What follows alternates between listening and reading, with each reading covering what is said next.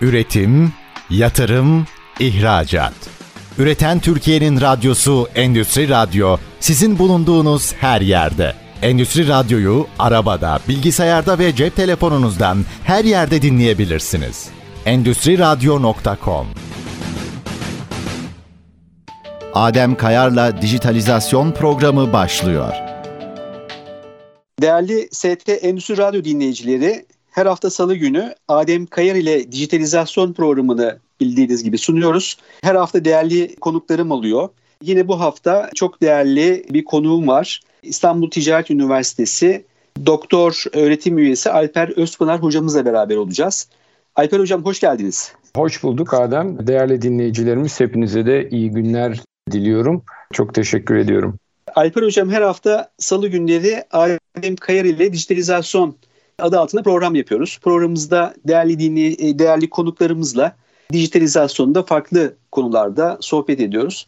Bu hafta sizinle de sanayide dijital dönüşüm, Endüstri 4.0 kavramları, işte blockchain'ler, dijital eğitimler bu konularda sohbet edeceğiz. Sizlere de fikirlerinizi alacağız. Öncelikle vakit ayırdığınız programıma e, katıldığınız için size çok teşekkür ediyorum. Tekrar hoş geldiniz. Çok teşekkür ediyorum. Çok keyifle ve çok zevkle katıldım. Çünkü hem özel şirket olarak hem de yaptığın çalışmaları yakından takip ediyorum. Yakında sen de doktorunu bitirdiğinde bir akademisyen olarak da meslektaş olacağımız için özel bir ilgi duyarak gelmiş oldum. Çok teşekkür ediyorum tekrar ilgine. Çok sağ olun hocam. Tekrar hoş geldiniz. İsterseniz önce çok kısaca bir kendinizi tanıtalım. Ondan sonra zaten konumuz dijitalizasyon. Ondan sonra rahat rahat detaylarına gireriz. Evet. Ben aslında liseden başlamayı seviyorum. Çünkü İstanbul Atatürk Fen Lisesi mezunuyum. O zamanlardan beri fen, dijital teknolojiler, dünyadaki yeni gelişmelerin hepsini takip eden bir insanım. Sonrasında Boğaziçi Üniversitesi Kimya Mühendisliği, üstüne Endüstri Sistem Doktora, makinada bir doktora Yıldız Teknik, bilgisayar mühendisliğinde yardımcı doçentlik, şimdi mekatronik mühendisliğinde artık yardım doçentlik olmadığı için doktor öğretim üyesi olarak eğitim dünyasında destek olmaya çalışıyorum. Bunun dışında elimden geldiği kadar üniversite sanayi işbirliklerine, ARGE danışmanlıklarına devam ediyorum. Özellikle büyük şirketlerle ilgili yapılan çalışmalarda ARGE ve dijital dönüşüm konusunda danışmanlık yapıyorum.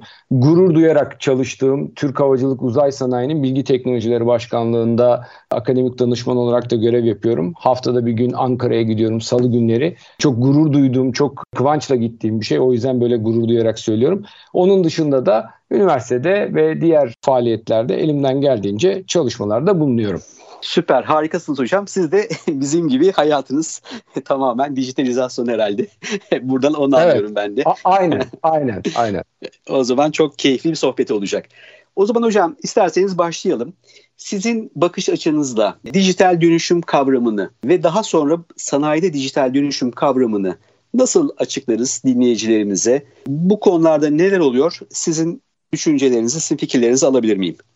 Evet, şimdi dijital dönüşüm aslında işletmelerdeki normal süreçlerin teknolojiye ayak uydurması olarak da düşünebiliriz.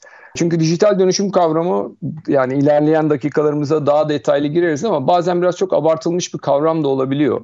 Ben teknolojiyi kullanmanın, süreçlerde teknolojiyi kullanmanın ama her türlü teknolojiyi kullanmanın bir dijital dönüşüm olduğunu. Dolayısıyla firmalarımız bu çok küçük bir kobi de olabilir, çok büyük bir işletme de olabilir, çok büyük bir fabrika da olabilir. Dijital dönüşüm dediğimizde farklı birimlerin, farklı insanların, farklı sorumluluk seviyelerinin aslında yaptıkları iş süreçlerini, üretim süreçlerini, her anlamda teknolojiyle bir araya getirme. Ama o teknoloji o iş süreci için ne gerektiriyorsa o teknolojiyi kullanmak dijital dönüşüm. Yoksa dijital dönüşüm kavramı bizde maalesef birazcık reklama dönmüş durumda son günlerde özellikle. Sen de şimdi sektörün içindensin. Birçok başarılı projeye adım attığını takip ediyorum, biliyorum. Özellikle otomasyon anlamında dünyada yapılmamış projeler yapıyorsun. Gerçek anlamda gerçekçi dijital dönüşüm projeleri yapmak gerçekten çok kolay değil. Ama hani bir yerden de başlamak gerekiyor. Çünkü dünya dijital dönüşüm olmadan bir yere gelemeyecek. Özellikle bu pandemi sürecinden sonra yaşadıklarımız. Pandeminin insanlara olan bağımlılığı mecburen azaltması ve ortadan kaldırılması süreçlerin dijital bir dönüşüme ihtiyacını artık vazgeçilmez bir hale getirdi. Eskiden idare edebildiğimiz birçok şeyi artık idare edemez hale geldik. Dolayısıyla pandemi de bitmeyecek gibi gözüküyor. Çünkü biz gelişiyoruz, e, virüsler de gelişiyor. Virüsler gelişmesi de dünya şartları değişiyor. Çok sevdiğim bir laf var. Değişmeyen tek şey değişimdir diye. Dolayısıyla evet. bu değişim olduğu sürece şu anki değişim dijital dönüşümü gerektiriyor.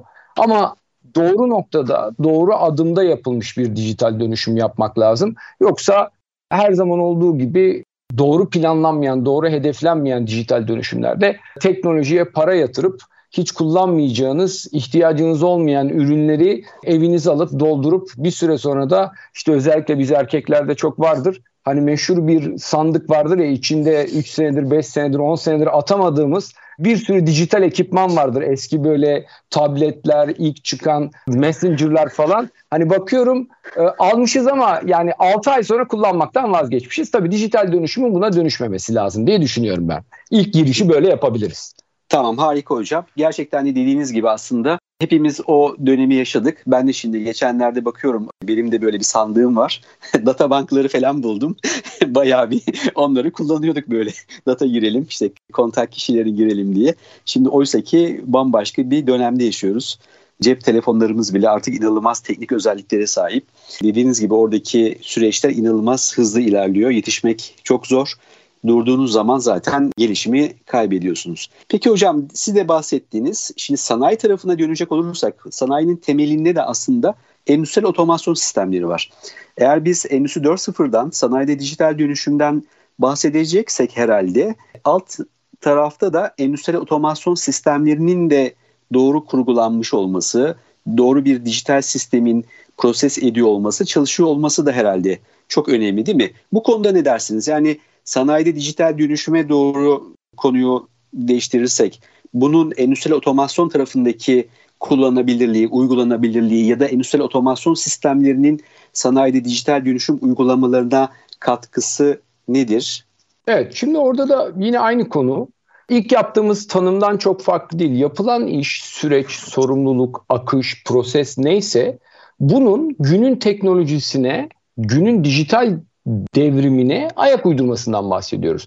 Dolayısıyla 1970'lerde otomasyon ve endüstriyel otomasyon sistemleri ki Endüstri 3.0 dediğimiz konu ve tamamen 1 ve 0 PLC'lerden ve programlanabilir logic controller dediğimiz aslında tamamen düz mantık kuran eğer bu artıyorsa buna dokun, bu bunun üstüne çıkıyorsa bunu azalt dediğimiz temel bir otomasyondan artık çağın gereklilikleri, çağın bize sağlamış olduğu imkanları kullanarak bir dijital dönüşüm yapmaktan bahsediyoruz.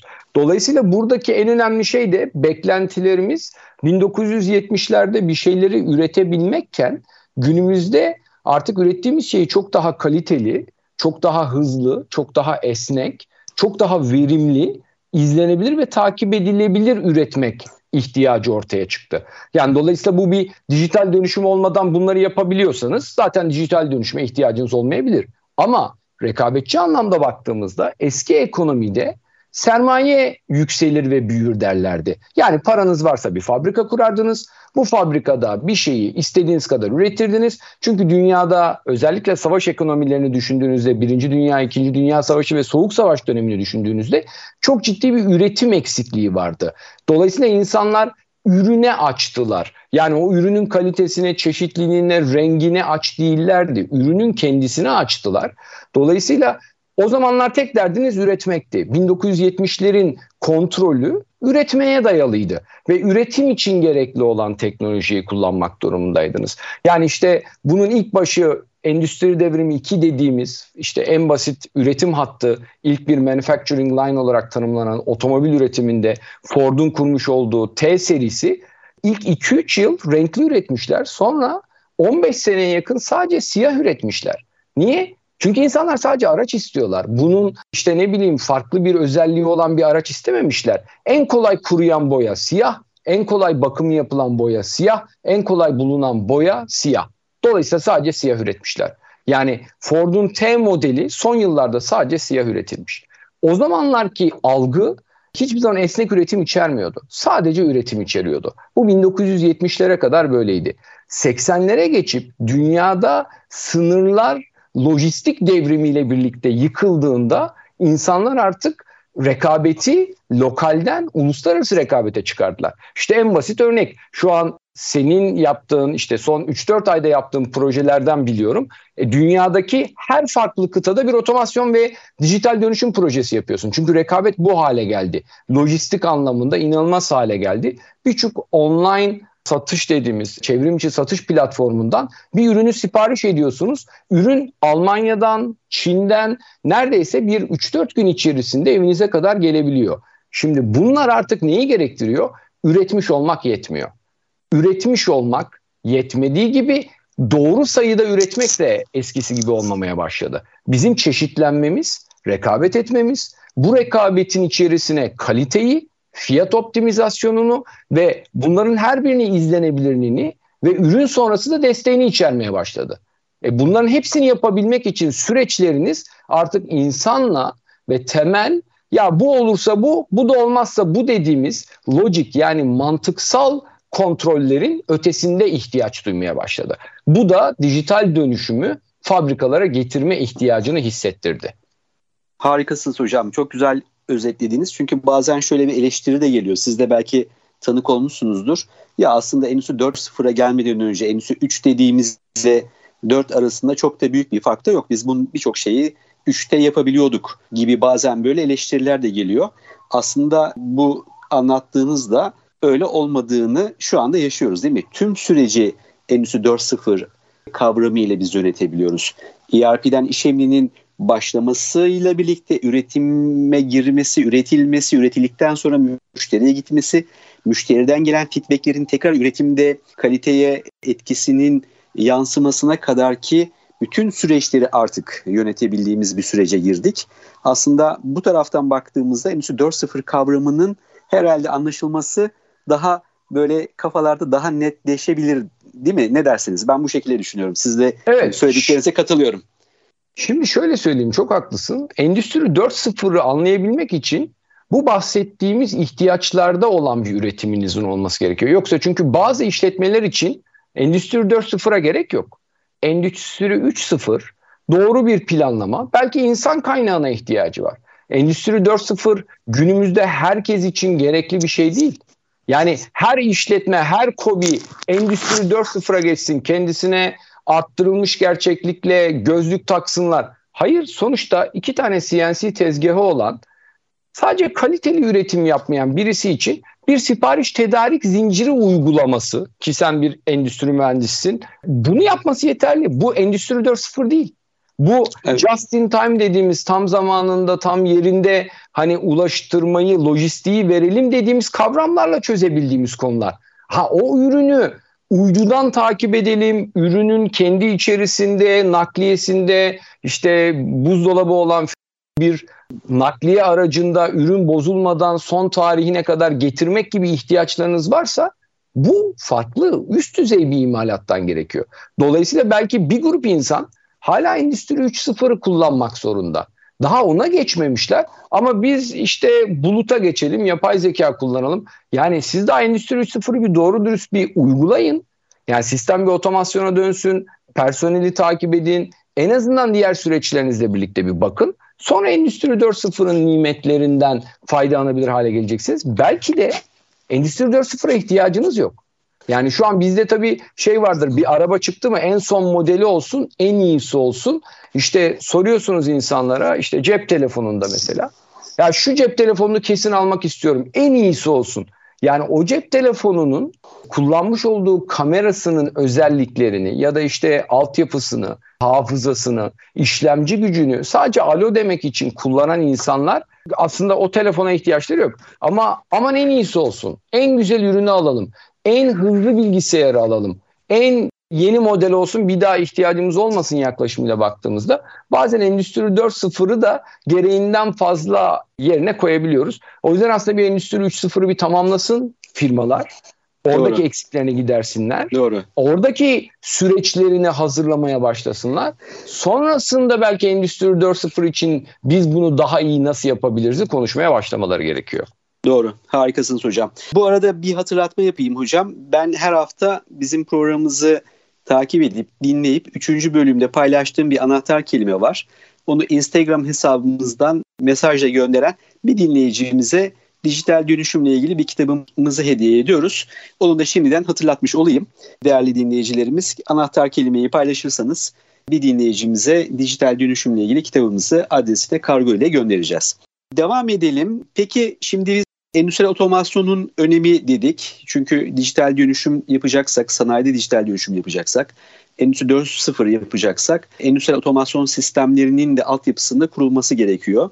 Peki endüstriyel otomasyon sistemlerinde dikkat edilmesi gereken uygulama kısımlarında, veri toplamada, buralarda özellikle dijital dönüşümü düşünen firmalar için bir tavsiyeniz var mıdır? Tabii ki. Şöyle, evet Endüstri 3.0'ı tamamlayalım diyoruz ama sonrasında 4.0 içinde temel bazı hazırlıkları yapmak lazım. İşte bunun için en basitinden bir PLC seçeceklerse o PLC ile tamam otomasyonu yaptılar. Otomasyon için ne gerekiyor? Diyelim ki orada bir tezgah var. O tezgahın temel IO'ları dediğimiz girdileri çıktıları var. Ama önümüzdeki 3-6 ay belki 1-3 sene sonra da müşterinin taleplerine göre farklı kalite analizleri de yapacaklar. Şimdi bunlar için yavaş yavaş bazı altyapıları seçebiliyor olmak lazım. Örneğin A markasının 3 serisi ürününü seçtiğinizde bunların bir kısmını sınırlı yaparken aslında 3 yerine 5 serisini alıp 5'in extension özelliklerine de ihtiyacınızı şimdiden doğru planlarsanız yarın öbür gün zaten üretimde panoda, panoya yerleşmiş olarak bir zaten otomasyon altyapınız olacak. Bu otomasyon altyapısında ya bizim işte bakımcı arkadaşlar var. Onlar endüstriyel ethernet kullanmıyorlar. Geleneksel ethernet Modbus'la işte iki bakır telle haberleştiriyorlar. Bütün işlerini çözüyorlar. Artık bence doğru bir yatırım değil. Artık bütün endüstriyel haberleşme Ethernet tabanlı dediğimiz bir haberleşme altyapısına dönüyor. E bu altyapı varken biz hala ya klasik biz Modbus haberleşebiliyoruz. Hiç de bir sıkıntımız yok. İşte RS485 iki bakır telle ben 500 metre giderim. Ethernet için araya switch koymam lazım. Bu işe girişmeyelim. Doğru bir yaklaşım değil. En azından Endüstri 3.0'ı tamamlarken doğru ürünlerle tamamlamak lazım. Bugün birçok fabrikada görüyoruz ki PLC'lerin Ethernet portu yok. Hadi bu veriyi yukarıya çıkaralım dediğimizde bu sefer her birine farklı marka ve modellerde middleware dediğimiz ara ürünler takmak, o ürünlerden çeşitli verileri toplayabilir hale getirebiliyor olmak lazım. O yüzden ben mesela diyorum ki şu an Endüstri 3.0'ınızı tamamlayacaksanız en azından belki Adem bu konuda sen daha net bilgi verebilirsin. Ben mesela derim ki OPC UA desteklemeyen hiçbir ürünü artık tezgahınıza bağlamayın. Kesinlikle yani, hocam. OPC-UA artık kabul edilmiş bir standart. Farklı üreticilerin farklı protokolleri olabilir ama en azından herkesin konuştuğu endüstriyel bir dil haline geldi OPC-UA. Dolayısıyla bir yatırım yapıyorsanız çünkü yapacağınız hiçbir yatırım yani bin dolarlar, bin eurolar mertebesinin altında olmayacak. E bir zahmet OPC-UA ready olsun en azından. Şu soruyu sorun. OPC-UA desteği var mı? Yok diyorsanız 5 sene sonra o ürün sadece otomasyon yapmaya devam edecek. Sonra bir tane dijital dönüşüm firması gelip size bütün her şeyi değiştirin diyebilir. Harikasınız hocam. İsterseniz burada bir ara verelim. Birinci bölümü kapatalım. Bir reklam arası vereceğiz değerli dinleyicilerimiz. İkinci bölümde kaldığımız yerden Alper hocamızla dijital dönüşümle ilgili sohbetimize devam edeceğiz. Görüşmek üzere. Üretim, yatırım, ihracat. Üreten Türkiye'nin radyosu Endüstri Radyo sizin bulunduğunuz her yerde. Endüstri Radyo'yu arabada, bilgisayarda ve cep telefonunuzdan her yerde dinleyebilirsiniz. Endüstri Radyo.com Değerli ST Endüstri Radyo dinleyicileri, Adem Kayar ile dijitalizasyon programının ikinci bölümüne devam ediyoruz. Bugün değerli konuğum Doktor Alper Özpınar hocamızla sanayide dijital dönüşüm ve Endüstri 4.0 konularına kaldığımız yerden devam edeceğiz. Alper Hocam birinci bölümümün sonunda Endüstri 4.0'ı yapacaksak, kurgulayacaksak endüstriyel otomasyon tarafında kullanacağımız ekipmanların, ürünlerin de bunu destekleyen en azından haberleşme protokollerine sahip olmasını konuşmuştuk. OPC UA evet. protokollerinin olması, ileride çok ciddi avantaj sağlar. Daha sonra ciddi bir maliyetten kurtuluruz demiştiniz. E, isterseniz buradan devam edelim. Şimdi bir işletmemiz var. Genelde şirketler, üretim yapan işletmeler farklı firmalardan farklı makineler ya da prosesler satın alıyorlar. Alırken tabii farklı kontrol sistemleri, farklı protokolde, farklı haberleşme networkleri makinenin üzerine gelmiş oluyor. Buralarda nasıl hareket etmeleri lazım? Bu konuda işletme sahiplerine ne önerirsiniz? Mesela ben şunu diyorum. Bir ürün alacaksanız sizin de birinci bölümün sonunda bahsettiğiniz gibi OPC UA protokolünü destekleyen ürünleri mesela şartnamenize yazabilirsiniz. Marka çok da önemli değil. Hani marka ismini vermeyelim ama en azından bu protokolü desteklesinler. Siz ne dersiniz bu konuda? Sizin düşüncelerinizi alabilir miyim? Ben de sana tamamen katılıyorum. Benim birkaç tane daha naçizane önerim olacak. Bir tanesi teknik şartnamede çok ciddi bir dokümantasyon olması gerekiyor. Bu dokümantasyonu şu an işletmeler ihtiyaçları olmadığı için ya malı teslim edin, ürünü kurun bir an önce çalışmaya başlasın diyorlar. Ama 3 sene sonra hadi biz bir dijital dönüşüm yapalım ve bizim CNC'nin spindle'ının dönüş hızını alalım dediklerinde bir kere ortada hiçbir proje yok. Yani şimdi maalesef çok merdiven altı tabir ettiğimiz kurum da var. Ve hani sadece bir PLC bağlıyorlar. PLC bağlandıktan sonra sistem çalışıyor. İşte artık o hangi programlama dili ise bir PLC'nin üstüne bir programlama yazılıyor. Bir teaching yapılıyor, bir şey yapılıyor. Ve ondan sonra hadi dedik çalışıyoruz. Hayırlı işler diyorlar, çalışıyorlar. Bir kere yani ürün ne nereye bağlı, nerede hangi portta ne var ve orada ne alabiliyoruz bilgisi yok. Makine satın alıyorlar ve çok ciddi paralar veriyorlar makine üreticilerine. Ama makine üreticilerinden o satın aldıkları makinenin IO'ları dediğimiz girdi çıktı özellikleriyle ilgili bir ne bir teknik çizim ne bir teknik dokümantasyon ya da bir kablolama yapısı ile ilgili bir dokümantasyon almıyorlar ya da almayı ihmal ediyorlar. Yani o çok ya da göz ardı edilebiliyor. Biz 3 sene sonra 5 sene sonra eminim senin de dijital dönüşüm projelerinde en çok başına gelen olaylardan bir tanesi budur. Hadi diyorlar şuradan şu veriyi alalım. Tamamen kör dövüşü. Yani biz bir gözümüzü siyah bir tülbentle bağlıyoruz. Elimizi de bir karton kutunun içine sokuyoruz. Orada civciv arıyoruz ondan sonra. Ya acaba evet. bu burada nereye geliyor? Hadi bir şeyi kaldırın bakalım hangi IO'da biz bir yüksek kenar görüyoruz. Nerede bir düşük kenar göreceğiz? Acaba neyi nereye bağladılar? O yüzden bir proje yapılırken ama bunu doğru yapmaları gerekiyor tabii ki. Benim tavsiyem şu olacak. Yapsınlar pazarlıklarını ama desinler ki çok iyi bir dokümantasyon istiyorum. Ürünü teslim et. Ben bu proje bedeli 100 birimse 100 birimin üstüne iş bitsin gerekiyorsa bir yüzde beş daha versinler ve bir dokümantasyonu tam alsınlar. Baştan bunu yaparlarsa emin olun iki tane Word sayfası gelecek. iki tane screenshot, masaüstü görüntüsü. Buradan bu gelir, buradan da bu gelir. Cep telefonuyla çekilmiş bir resim. Bu evet. tabii ki dijital dönüşüm dediğimizde biz o makinenin her noktasını dijital dönüştürmemiz lazım. Bu birincisi. iyi bir dokümantasyon gerekiyor. İyi bir ve bu dokümantasyonların da dijital bir arşivde saklanması gerekiyor. İkinci nokta üreticilerle işbirliklerini, servis anlaşmaları kapsamında sağlıklı kurmaları gerekiyor. Maalesef bizde hani derler ya öküz öldü, şey ortaklık bozuldu falan gibi bir atasözü vardır. İş biter, firmayla ilişkiler bir şekilde kötü bir noktaya gidebiliyor bazen ve evet. o firmadan destek alamıyorlar. Firmayı arıyor kobimiz. Ya işte biz bu tezgahta şöyle bir şey yapacaktık şöyle bir dijital dönüşüm yapacağız diyorlar. E, firma ağzı yanmış bir kere çünkü proje başta doğru konumlandırılmamış. Proje bitene kadar iki tarafta birbirini o kadar yıpratmış oluyor ki üretici firma doğrudan şunu söylüyor. Ürünün garantisini bozarsınız. Sadece biz o makineye dokunabiliriz. O makineye başkası dokunursa biz artık destek vermiyoruz gibi maalesef iki tarafta negatif bir şey kullanabiliyor. Bu bence hem iş etiğine uymuyor iki taraf içinde. Herkes hakkını almalı. Yani biz bir mühendislik yapıyorsak ya ne yaptın iki şık şık iki tık tık yaptın niye bin dolar bin euro para istiyorsun demekle ya nasılsa karşı taraf anlamıyor biz burada çok muhteşem bir yazılım yaptık deyip demo ürününü kurup çıkanlar da olabiliyor. Bu tabii kötü tecrübeler, özellikle yazılım projelerinde bu çok karşımıza çıkıyor. Birçok proje yarım kalıyor.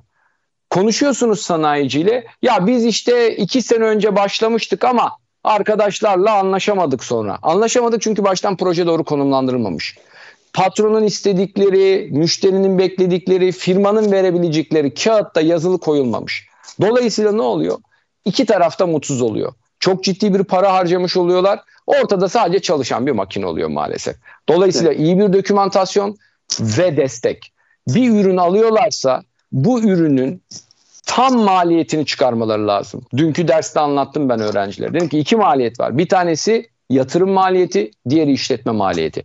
İşletme maliyetine servisi, garantiyi ve ürün sonrası geliştirmeleri de eklemeleri gerekiyor. Toplam ürün maliyeti, toplam maliyeti böyle hesaplamaları gerekiyor. Bizde genellikle servis ya bir çayımızı içmeye gelirsin olay oluyor ama bu yakıt paralarıyla, bu zamanla, bu trafik sıkışıklığında maalesef bir çay içmeye kimse kimseye desteğe gitmiyor artık. Doğru. Hocam bu konuşmalarınızdan e, ben şimdi gerçekten çok etkilendim, çok faydalandım benim taraftan.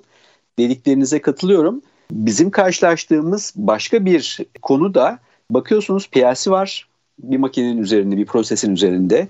OPC UA protokolü de var diyelim ya da işte Profibus, Profinet var. Fakat üretici firma oradaki programı şifrelemiş. Ve diyor ki ben bu datayı diyor dışarıya export etmem diyor, dışarıya çıkartmam diyor. Ve sen diyor buraya müdahale edersen sizin söylediğiniz gibi bu makinenin garanti kapsamından çıkar. Ben de sana hizmet vermem ya da bir problem olursa garanti kapsamı düşünürüm diyor. Karşı tarafı da yani müşteriyi de korkutuyor bu durum. Şimdi ben şöyle bir şey söylediklerinizden faydalandım ve aklıma şöyle bir şey geldi. Ne dersiniz? Acaba dijital dönüşüm uygulamaları ile ilgili de bir standartlaşmaya gitse dünya ya da Türkiye'de bilemiyorum mesela bunu önersek makine üreticileri ya da proses yapan bizim gibi mühendislik şirketleri yaptıkları projelerde belli bir norma, belli bir standarda göre programlarını yazıp bunu default olarak örnek veriyorum makine ile ilgili data setleri hazırlayıp bir data blok oluşturup bunu kullanılabilir hale getirerek bu hizmeti vermiş olsalar üzerine sizin dediğiniz gibi OPC UA gibi artık standartlaşmış bir network hattını protokolünü koymuş olsalar bu aslında dijitalizasyona dönmek isteyen işletmeler için de çok ciddi bir avantaj sağlayabilir diye şu anda sizin anlattıklarınızdan aklıma böyle bir şey geldi. Bu çok ilginç olabilir. ne dersiniz? Valla ben aynı fikirdeyim. Niye? Şöyle söyleyeyim. E, dijital dönüşüm denildiğimizde bizim işte te, temel performans göstergeleri dediğimiz KPI olarak söylediğimiz ve işte endüstride birazcık daha detaya girdiğimizde değerli dinleyicilerimizin de kullandığı OEE kavramı. Yani ben hakikaten makinamı gerekli verimlilikte ve gerekli performansta çalıştırabiliyor muyum? Yani çok fazla detaya da gerek yok. Ben şeyi üçe ayırıyorum. Datayı bir tezgahtan ya da bir dijital dönüşümle ilgili veri ihtiyacını üç bölüme ayırıyorum. Bir, tetik verisi dediğim temel veriler. Buna belki sen endüstriyel anlamda daha farklı bir isim verebiliyorsun. Ben akademik olarak tetik verisi diyorum. Tetik verisi nedir?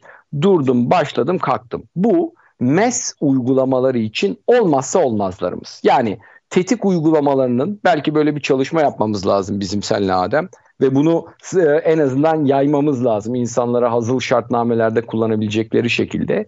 En azından tetik verileri nedir tetik? Ya ben bu tezgah çalışmaya başladı. Ben üretmeye başladım ve temel hata fonksiyonları ile ilgili veriler. En azından teknik şartnamede bunlar olmazsa olmaz. Bunları ihalenin içerisinde, satın alma dokümanının içerisinde mecburi tutmak durumdalar. Yani bunu tartışmıyor olmamız lazım. İkincisi evet. ise ürün ve prosese yönelik proses kalitesine, ürün kalitesine, toplam verimliliğe yönelik olan ek bilgiler dediğimiz bilgiler ki bunlar da belki işte bir tezgahta 100 tane IO varsa bu 100 tane IO'nun belki 10 tanesi temel tetik verileri, başladı. İşte bir e, enjeksiyon tezgahıysa soğutma suyunun dönmesi, enjeksiyon kalıbının içine girmesi, çıkması gibi verilerken bir belki 20 tane veri de toplam analiz için yani ama OEE dediğimiz enerji analizi için kullandığımız bazı veriler. Buna da ikinci tip veri seti diyoruz. Biz buna proses verileri dediğimiz veriler. Bunlar pazarlığa tabi olabilir. Yani denebilir ki ben bunların şu kadarını sana veririm ama bunun da ikinci pakette veririm dediğimiz. Üçüncü veri ise belki bir 5-10 sene çok ihtiyacımız olmayacak. O tezgahtaki her şeyi gördüğümüz. Yani artık e, predictive maintenance dediğimiz kestirimci bakım uygulamaları, onun bakımı, ihtiyacı, makinenin bizimle gerçek anlamda konuşması. Yani e, işte sağlıkta vardır ya bir tam kan sayımı yaptırırsın 18 tane parametreye bakarlar. Bu 18 tane parametre sana der ki evet senin temel problemlerin var. Ama bir analizin detayına inmek istediğimizde o detay için ekstra birçok test gerekir. Yani vücutta yapılabilecek binlerce test var. Görüntü anlamında da kan anlamında da. Bu evet. da bizim üçüncü veri seti dediğimiz o herkes için gerekmeyebilir. Hastaysanız gerekli olan veri. Biz neye bakarız? Nabız, ateş, ağrı, sızı bilgisi var mı? Bunlar birinci set verilerdir. Yani tetik verileridir. Tam kan sayımı dediğimiz ve temel veriler ön bilgileri verir. Bir kademe daha öteye gittiğinizde artık hastalığın teşhisine yönelik olan veriler o da ihtiyacınıza yönelik çözülmeli. Her şeyi de yapalım dediğinizde bir hastaneye gittiğinizde size bir milyon tane test yapabilirler. Ama sizin dişiniz ağrıyorsa belki sırf onunla ilgili bazı testlere ya da işte diyelim ki bir romatizmal probleminiz varsa onunla ilgili bir şeye bakmanız gibi eşleştirme yapmak gerekiyor diye düşünüyorum. Bu üç aşamayı bence bir değerlendirelim biz seninle. Kesinlikle hocam. Şu anda inanılmaz bence bir bununla ilgili bir tez bile yazabiliriz. Hatta bence literatüre. Bence dediğiniz... artık doktoran bittiğine göre sen bir tez yazdırabilirsin yüksek lisans olarak yavaş yavaş. Aynen. Çünkü hocam dediğiniz gibi en azından default olabilecek parametrelerle ilgili bir dataset hazırlarsa o e, makineye yazan kişi, programı yazan kişi dediğiniz gibi hani basic olarak da bir norm standart belki oluşturulabilir. Buna bir isim verilebilir ve belki şartnamelerde bu kullanılabilir. Sizin yapacağınız her türlü makinede, proseslerde bu verileri yapmak zorundasınız. Bir standart hale getirilebilir. Ben burada kısa bir bilgi vermek istiyorum. Hani OE gibi kavramlardan bahsettik. Belki e, bizi dinleyen değerli dinleyicilerimiz arasında bu kavramlara uzak olanlar olabilir. Değerli dinleyiciler OE'yi hesaplama Türkçesi toplam ekipman etkinliği gibi bir anlam ifade ediyor. Bir işletmede kullanmış olduğumuz cihazların, üretimin toplam ekipman etkinliğini hesaplamış oluyoruz. Bunu hesaplayabilmek için de 3 tane verimiz var. Performans, kullanabilirlik ve kalite. Doğru mu hocam? Ee, evet. Ben de tezimde de Oİ çünkü bununla ilgili bir bölüm açtım. Bu değerleri çarparak burada bir yüzde hesaplıyoruz. Bu yüzde de dünyada hedeflenen rakam yüzde 85'i tutturabiliyorsak biz iyi bir durumdayız demektir. %85'in altındaysak bizim OI verimiz yani işletmedeki bizim toplam ekipman etkinliğimizin oranı düşük gibi bir bilgi oluyor. O yüzden OI kavramı şu anda bütün işletmeler için dijital dönüşümden sonra ilk talep edilecek, görmek istenilen bir kavram. O yüzden bu da önemli bir konuydu. Hemen onunla ilgili kısa bir bilgi vermiş olayım. Hocam çok keyifli geçiyor. Şimdi bu konuştukça aslında yeni şeyler de ortaya çıkıyor. Kavramlar, neler yapabiliriz. O yüzden bu tür konuları böyle beyin fırtınası yaparak konuşmak gerçekten ben çok keyif alıyorum. Sizin gibi değerli konuklarımla bu gibi konuları konuşmak gerçekten çok keyifli. Karşılıklı çok güzel etkileşimde yeni kavramlar, yeni sistemlerde neler yapabiliriz bunlara tartışmış oluyoruz. Ben tekrar değerli dinleyicilerime hatırlatmak istiyorum. Üçüncü bölümün sonunda bir anahtar kelime paylaşacağım sizlerle. Bu anahtar kelimeyi benim Instagram hesabımdan mesaj olarak paylaşan bir dinleyicimize dijital dönüşümle ilgili kitabımızı adresine kargo ile göndereceğiz. Bunu da hatırlatmış olayım. Şimdi ikinci bölümümüzün hocam sonuna doğru yaklaşıyoruz. İsterseniz kısaca biraz daha üretimdeki dijitalizasyonun kullanılabilirliği o iyiden bahsettikten sonra buralarda elde edeceğimiz verilerle işletmeye biz neler katabilirizden biraz bahsedelim. Sonra bitirelim. Üçüncü bölümde biraz daha detaylandırıp sonra benim çok önem verdiğim, tahmin ediyorum sizde bu konularda çalışmalarınız var. Siber güvenlik konularından da biraz bahsedip programımıza devam edelim. Bu verileri evet. aldık, işletmeyi kullandık, o iyi verilerini aldık. Bunlar performansı artırdık diyelim, kalitemiz yükseldi, kullanabilirliğimiz arttık, o iyi verilerimiz yükseldi. Bu işletmeye ne değer yaratır, katma değer olarak ne sağlar? Bu konuda ne dersiniz? Şimdi hani yeni ekonomik koşullar ve eski ekonomik koşulları karşılaştırırken hani eskiden sermaye yükselir ve büyür demiştik. Şimdi veri yükselir ve büyür. Ve yani çok güzel bir şey var. Data is the new oil diyorlar. Yani veri yeni petrol yerine geçti. Gerçekten bu önemli. Çünkü veriniz olduğunda o veri tabii ki burada çok anlamsız ve boş verilerden bahsetmiyoruz. Üretime dair olan verilere baktığınızda sizin gerçekten işletmenizdeki olan biteni doğru zamanda doğru şekilde takip edebilmenizi sağlayıp burada acaba neler yapılabilir? Bir de simülasyon yapmaya izin verir veri. Çünkü evet sizin işletmeniz muhteşem çalışıyor olabilir. Diyelim ki bir tezgahınız vardır. Bu tezgahtan forkliftle ürünleri alıyorsunuzdur. Diğer bir ara istasyona götürüyorsunuzdur. Orada bir koltuk altı ambarınız vardır. Orada bir şeyler yapıyorsunuzdur. Personeliniz canla başla çalışıyordur. Personelin hiçbir sıkıntısı yoktur. Forkliftiniz OE'sine bakıyorsunuzdur. %95'tir forkliftin OE'si. Ama sonra fark edersiniz ki ya acaba biz şöyle bir duruma geldiğinde böyle bir simülasyon yapalım dediğimizde gerçek üretim koşullarını test edebilmeniz için akan bir veri simülasyonu için kaliteli veriye de ihtiyacınız var. Dolayısıyla siz işletmenizde her şeyin mükemmel olduğunu zannediyor olabilirsiniz ki belki de o altyapı için mükemmeldir. Ama şu sorunun cevabını nasıl vereceğiz? Acaba ben yeni bir makine yatırımı yapmalı mıyım? Bu yeni bir makine yatırımı yaptığımda bu benim geçtiğimiz 6 aylık veri akışını düşündüğümüzde bunun o iyisi nasıl olur dediğinizde o zaman her dataya ihtiyacınız olacak. Belki kullanmadığınız temel bazı verilere bile ihtiyacınız olacak. Bizim veriden öncelikli hedefimiz ne? Evet bu veriyle biz bir kere baştan sona izlenebilir yapmak istiyoruz sürecimizi. İki, müşterimize şeffaf olmaktan bahsediyoruz ki bunu yapabilen çok az işletme var. Yani maalesef gerçek yaşam koşullarında müşterinize her şeyi söyleyemiyorsunuz haliyle. Dolayısıyla bunun tamamen şeffaf hale gelmesi, işletmenin mükemmel hale gelmesi o iyi anlamında, verimlilik anlamında, etkinlik anlamında sonrasında e, her şey yolunda gidiyor. Para da kazanıyoruz çok şükür. E hadi yatırım yapalım. Çünkü bu iş bitmeyecek. Biz belki yeni bir fabrika açacağız. Yeni bir istasyon açacağız. Yeni bir workbank açacağız. E peki bu nasıl çalışacak? Biz belki üretim hattını kaydıracağız. Üretimdeki bazı istasyonların yerini değiştireceğiz. Personeli değiştireceğiz. Mesela şunu biliyor muyuz? Çok önemsiz gelen bir veri. Acaba benim çalışan 20 tane mavi yakalımdan kaç tanesi geçtiğimiz sene yeni aldığımız siparişleri ürünü hattaya sokarken daha hızlı verimlilik gösterdi. E o zaman bir bakacaksınız ki bir müşteri gelip size diyecek ki ben şu tarihe şu ürünü istiyorum bakalım yetiştirebilir miyiz? Belki bir fason imalata ya da fason bir makine sistemine geçtiğinizde oraya yerleştireceğiniz personelin kim olacağına karar vermek gibi bir analiz de gerekecek. Bunun simülasyonu gerekecek.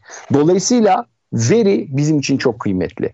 Bu veri ilerleyen aşamalarda doğrudan şu anda işinize yaramasa bile ilerleyen aşamalarda sizler için çok faydalı olabilecek alternatifleri değerlendirmenize imkan verecek. Bu bizim işletmelerin büyümelerine, sağlıklı büyümelerine ve sağlıklı büyüme için de doğru yatırım planlaması yapmaları için gerekecek. Her şey mükemmel olsun, yüzde yüz olalım, e o zaman büyüyelim. Harikasınız hocam. Burada bir isterseniz nokta koyalım, bir ara verelim. Değerli dinleyiciler, ikinci bölümün sonunda bir reklam arası vereceğiz. Kısa bir aradan sonra kaldığımız yerden Alper hocamızla konuşmamıza, sohbetimize devam edeceğiz. Üretim, yatırım, ihracat. Üreten Türkiye'nin radyosu Endüstri Radyo sizin bulunduğunuz her yerde. Endüstri Radyo'yu arabada, bilgisayarda ve cep telefonunuzdan her yerde dinleyebilirsiniz. Endüstri Radyo.com Değerli ST Endüstri Radyo dinleyicileri, Alper Hocam'la beraber programımıza devam ediyoruz. Üçüncü bölümdeyiz şu anda. Alper Hocam kaldığımız yerden devam edelim isterseniz. OE'den bahsettik. OE dedik ki performans, kullanabilirlik ve kalite değerlerinin birbiriyle çarpımının oranı. Bu değerleri, bu hesaplamayı yaptığımızda işletmenin hem kullanabilirliğini hem kalitesini hem performansıyla OE değerleriyle sürdürülebilirliğine bakacağız ve oradaki değerler bizim işletmede hangi oranlardaysa işletmemizin verimliliğini takip edeceğiz. Ama diğer taraftan da bunları elde edebilmek için de sahadan, makinelerden birçok veri alacağız. Verinin önemi çok değerli dedik. Buradan çok farklı anlamlar çıkartabiliriz dedik. Peki hocam bu bu kadar veriyi aldık. Bu verilerle hani en çok konuşulan konuların başka başlıklar işte dijital ikiz, bulut, siber güvenlik gibi. Bu verileri işte örnek veriyorum dijital ikiz kavramıyla birleştirirsek nasıl kullanırız? E, dijital ikizde neler yapabiliriz? Dijital ikizle ilgili de isterseniz buradan bir girelim. Ne dersiniz? Tamam. Şimdi şey kavramı senin biraz önce söylediğin ve detaylı özetle anlattığın o iyi kavramı çok doğru bir kavram. Çünkü şöyle düşünün. Yani işte patron bir bakıyor makina çatır çatır çatır çatır çalışıyor. Bir pres makinesi, bir enjeksiyon makinesi, bir CNC muhteşem çalışıyor. Yani hani bir baktığımda patron bir de elektrik faturasına bakıyor. Yani 7-24 makine çalışıyor. Ama kalite verisi eksik. Ürettikleri ürünün yarısı scrap. Yani hatalı ürün, enci ürün çıkartmışız. Not good dediğimiz ürün çıkartmışız. E o makine boşa çalışıyor. Yani bazen e, maalesef çok yakaladığımız bir durum. Üst yönetimi mutlu etmek adına çok istemesek de ustabaşılarımız, bazı personelimiz makineyi boşa çalıştırıyorlar. Makinede bazı ham maddeyi boşa akıtıyorlar. Bir bakıyorsunuz bugün 3000 tane üretim yapıldı deniyor. Ama kalite verisi yok. Kaliteyle eşleştirmediğiniz bir veri 3000 tane yaptınız ama 200 300 tanesi arka tarafta atıkta el altından satılıyor. Farkında bile olmuyorsunuz. Dijital ikiz bana neyi getiriyor? Ben eğer bir üründe hatalı bir üretim yaptıysam o ürün ne olabilir? Soğutma suyu olabilir, spindle'ı gereğinden hızlı döndürebilirim. Bazen çok yaşadığımız bir durum ustabaşı molasına erken çıkmak için CNC'nin hızını arttırıyor ve matkabın ucunu kırıyor. Ya da matkabın ucunu o malzemeye uygun olmayacak bir hızda çevirip ürünü hızlı bitirip benim işim bitti diyebiliyor. Mesela biz bunu nasıl takip edeceğiz? Üretilen ürünün veri anlamında bir ikizinin bilgisayarda durması anlamına geliyor. Dolayısıyla ben diyelim ki bir kalıptan elimde bir monoblok bir kalıp var. CNC ile işledim bir ürün çıkartıyorum. Bu bir rulman olabilir, bir parça olabilir, bir dişli olabilir, herhangi bir şey olabilir. Ve bu kalite kontrole gittiğinde bir sorun varsa geriye döndüğümüzde biz acaba bir, bu ürün dijital olarak kalite kontrol kabulde ne yaptık? Doğru uçtan uca bir entegrasyon yapılması gerekiyor. Ürün üretilirken bu ürünü üreten hava sıcaklığı neydi? Bizim ürünümüz hangi sıcaklıklarda içeri girdi? Spindle'ın dönüş hızı neydi? Alttaki işte diyelim ki dişlinin uçlarını inceltirken kullandığı dönüş hızıyla kaba tarafını yaparken ki dönüş hızı neydi? Hepsinde aynı hızı mı yaptı? O zaman mesela NC kodunu yazan ve bunun tasarımını yapan arkadaşa doğru bir dijital geri dönüşüm yapıp bakın senin burada daha hızlı çalışıp burada daha yavaş çalışıyor olman lazım demen lazım. Ya da ürün müşteriye gitti. Müşteri ürünü taktı. 3 ay sonra dişlerden bir tanesi kırıldı. E biz şimdi nereden bilelim? Tamam şunu biliyoruz çok basit olarak. E, bu ürün pazartesi günü birinci vardiya, mavi vardiyada üretildi. Hangi şartlarda üretildi? İşte o zaman ürünün dijital ikizine döndüğünüzde o ürünün üretimi aşamasındaki her kısmı dijital olarak, veriler olarak bakıp yanlış giden bir şey var mı? Sapan giden bir şey var mı diye. Çünkü öyle bir durum olabilir ki siz bir sınır koşulu koymuşsunuzdur. Demişsinizdir ki 1000 RPM ile 1200 RPM arasında çalışıyorsa benim için kabuldür. Ama sizin ucunuz yıpranmıştır. 1200 RPM'de bile gerekli hassasiyeti verememişsinizdir. Ya da uç yeni değiştirmiştir. 1000 RPM'i verdiğinizde gider. Spot kaynak atıyorsunuzdur. Spot kaynak ata da ucunuz aşınmıştır. Gerekli arkı sağlayamıyordur. Bunların hepsini geriye dönmek için baktığınız şey dijital ikiz. O yüzden işletmenin uçtan uca birbirine bağlanması lazım. Veri anlamında bağlanması lazım. Girişten çıkışa müşteriye kadar. E peki bu kadar bağlantılı bir ortam aslında risk de oluşturuyor. Niye? Şimdi malum kış ayı geldi. Çocukları olanların en büyük sıkıntısı ne? Çocuğu okula gönderiyoruz, hasta oluyor, geri geliyor. E çünkü orada inanılmaz bir bağlantı var. Bir yere hastalığı bulaştırdığınızda çocukların hepsi sınıf hasta olabiliyor. Aynısı fabrika içinde geçerli. Siz fabrikada her şeyi birbirine bağladığınızda teneffüse çıkan çocukların birbirine hastalık bulaştırması gibi eğer bir siber güvenlik zafiyetiniz varsa bu tedarikten de girebilir, müşteriden de girebilir, bakımcının PC'sinden de girebilir. O yüzden eskisinden sadece bir yere virüs bulaştığında, bir yerde bir siber güvenlik problemi yaşadığınızda bir tezgahı kaybederken şu an fabrikayı kaybeder hale gelebiliyoruz. O yüzden bu önemli bir noktaya geliyor. Siber güvenliğin bizim için önemli anlamı bu aslında. Evet hocam harikasınız. Peki şimdi bu kadar sistemi birbirine bağladık. Hani aslında biz Endüstri 4.0'ı anlatırken bileşenlerin içinde yatayda ve dikeyde entegrasyon diyoruz. Bunu kastediyoruz değil mi aslında? Yani hem yataydaki bütün sistemdeki makinelerimiz, proseslerimiz, ekipmanlarımız, cihazlarımız, farklı işletmelerimiz varsa onların da biz bir network'le birbirine bağlıyoruz. Diğer taraftan dikeydeki işte ERP'ye kadar oradaki tüm diğer birimler de birbirine bağlı. Peki bu konuda bakarsak o zaman siber güvenlik de bizim dijital dönüşümde belki yakın ya da orta gelecekte karşımıza çıkacak en önemli konuların başında olacak. Buralarda yapılması gereken önlemler, buradaki standartlar bunlarla ilgili de biraz sohbet edebilir miyiz? Tabii ki. Şimdi burada maalesef en önemli konulardan bir tanesi gözle görülmeyen ürüne para vermem diyen patronlar. Ya yazılım bir tane CD'de USB'de getirdi arkadaş. Bu niye bu kadar pahalı? Ya da yani emeği gören özellikle çekirdekten yetişmiş kendi alın teriyle bir fabrika, bir işletme, bir kobi kurmuş bir patronun dijital dönüşümde gözle görülmeyen yazılımların, hizmetlerin, emeğin kalitesine farkına varması lazım. Bu kadar bağlantıyı yaptığınızda bu bağlantı beraberinde sizin kullanmış olduğunuz, daha önce hiç dikkat etmediğiniz bilgisayarlarınızdaki antivirüs yazılımları. Ya el altından eskiden işte Kadıköy'de meşhur bir pasaj vardı. Bilgisayar almaya giderdin. A'dan Z'ye bütün yazılımları içine koyar verirlerdi. Adetti böyle. Yani hani evet. hani işletim sistemine lisans parası vermek, işte e, ofis yazılımları dediğimiz sistemlere lisans parası vermek diye bir şey yoktu. Uçtan uca sana ihtiyacın olmayan 100 bin dolarlık yazılımları içine kurar, bir tane imajdan kurar verirlerdi. Desteği, kırılmış verisi, şu su busu hiçbir şey yoktu. Eskiden biz bağlantılı değildik. Şu an artık her şey internete bağlanabiliyor. İnternete bağlandığınız anda aslında gizli hücreleri ayağa kaldırabiliyorsunuz. Çünkü birçok virüs, birçok oltalama dediğimiz, phishing dediğimiz saldırı tipi internetten emir almak üstüne kuruluyor. Ücretsiz oyun. Ya işte hocam bizim çocuk sıkılıyordu ücretsiz oyun kurduk. Çok güzel oynuyor işte bir şey yok. Ya işte bir arkadaş sağ olsun bu programın kırığını getirdi bize. Ya hiç düşünüyor musunuz kim niye ürünü kırmakla uğraşıyor? Bunların hepsi bir arka kapı açıyor. Bunların hepsi sizde güvenlik problemleri yaratıyor.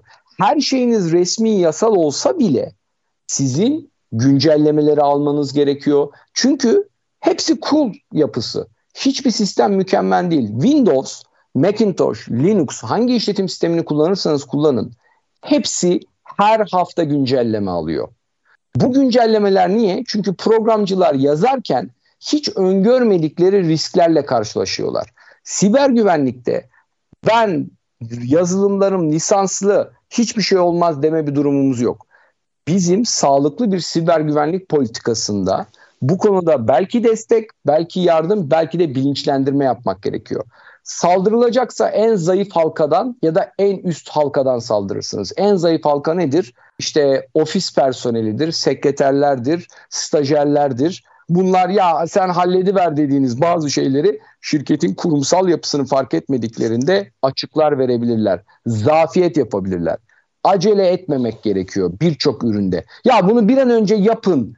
O önemli değil. Güvenliği boş verin. Müşteriye yetişmesi lazım dediğinizde bir dijital dönüşüm yapıldığında artık o dijital dönüşüm sizi uçtan uca bağlamış oluyor. Muhteşem bir şey. Ama uçtan uca da riski de taşıyabilir hale geliyorsunuz. O yüzden güvenlik duvarları, iyi network ağ ürünleri, internet altyapısındaki gerekli yatırımlar, Bunlarla ilgili politikalarınız işte ISO 27000 olabilir büyüklüğünüze göre bunları planlamak ve bu maliyetleri de planlamanız gerekiyor.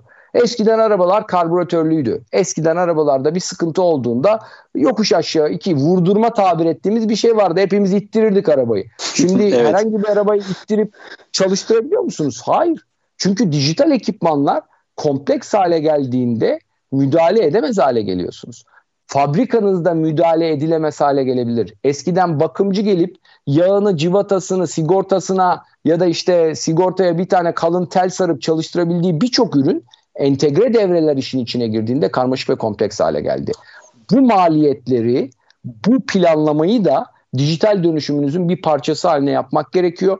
Yoksa siber saldırıların bir numaralı hedefi haline geliyorsunuz. Hele kripto coin gibi yani sizi ele geçirip karşılığında fidye isteyen insanların bir numaralı hedefi bu. İyi bir bilinçlenme gerekiyor. Kesinlikle herhalde yakın ve orta dönemlerde en çok karşılaşacağımız dijital dönüşümden sonraki durum herhalde bu siber güvenlikle ilgili yaşanılan problemler olacak diye ben de tahmin ediyorum. Şimdi hocam 3. bölümdeyiz. 3. bölümün de sonuna doğru yaklaşıyoruz. İsterseniz biraz da dijital dönüşüm ya da sanayide dijital dönüşüm dediğimiz bizim Endüstri 4.0 kavramları tabii farklı bir sürü disiplini içinde barındırıyor. Şimdi biz Endüstri 4.0 dediğimizde Metaverse'ünden, blockchain'inden, işte bunun dijital muhasebesinden, tarımın dijitalizasyonu bambaşka, lojistikte dijitalizasyon, 5G, enerji ve benzeri çok farklı konular var gündemimizde. Yapay zeka zaten olmazsa olmaz artık bu kadar verinin işlenebilmesi, yönetebilmesi için. Peki işin eğitim ve akademik tarafından bakarsak geleceğimiz görünüyor ki tamamen artık dijital bir çağda yaşıyoruz ve hayatımız dijital kavramlarla beraber devam edecek. Meslek hayatımızda da bu kavramları muhakkak kullanmamız gerekecek.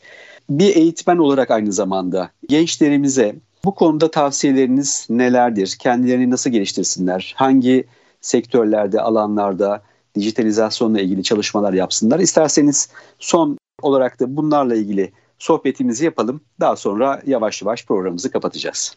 Evet, şimdi çok sıkılan ve hızlı sıkılan bir gençliğimiz var. Bu birazcık da pandemi de buna neden oldu. Şu an maalesef üniversitede okuyan, 3. 4. sınıfa gelmiş birçok öğrenci pandemide üniversitede oldu.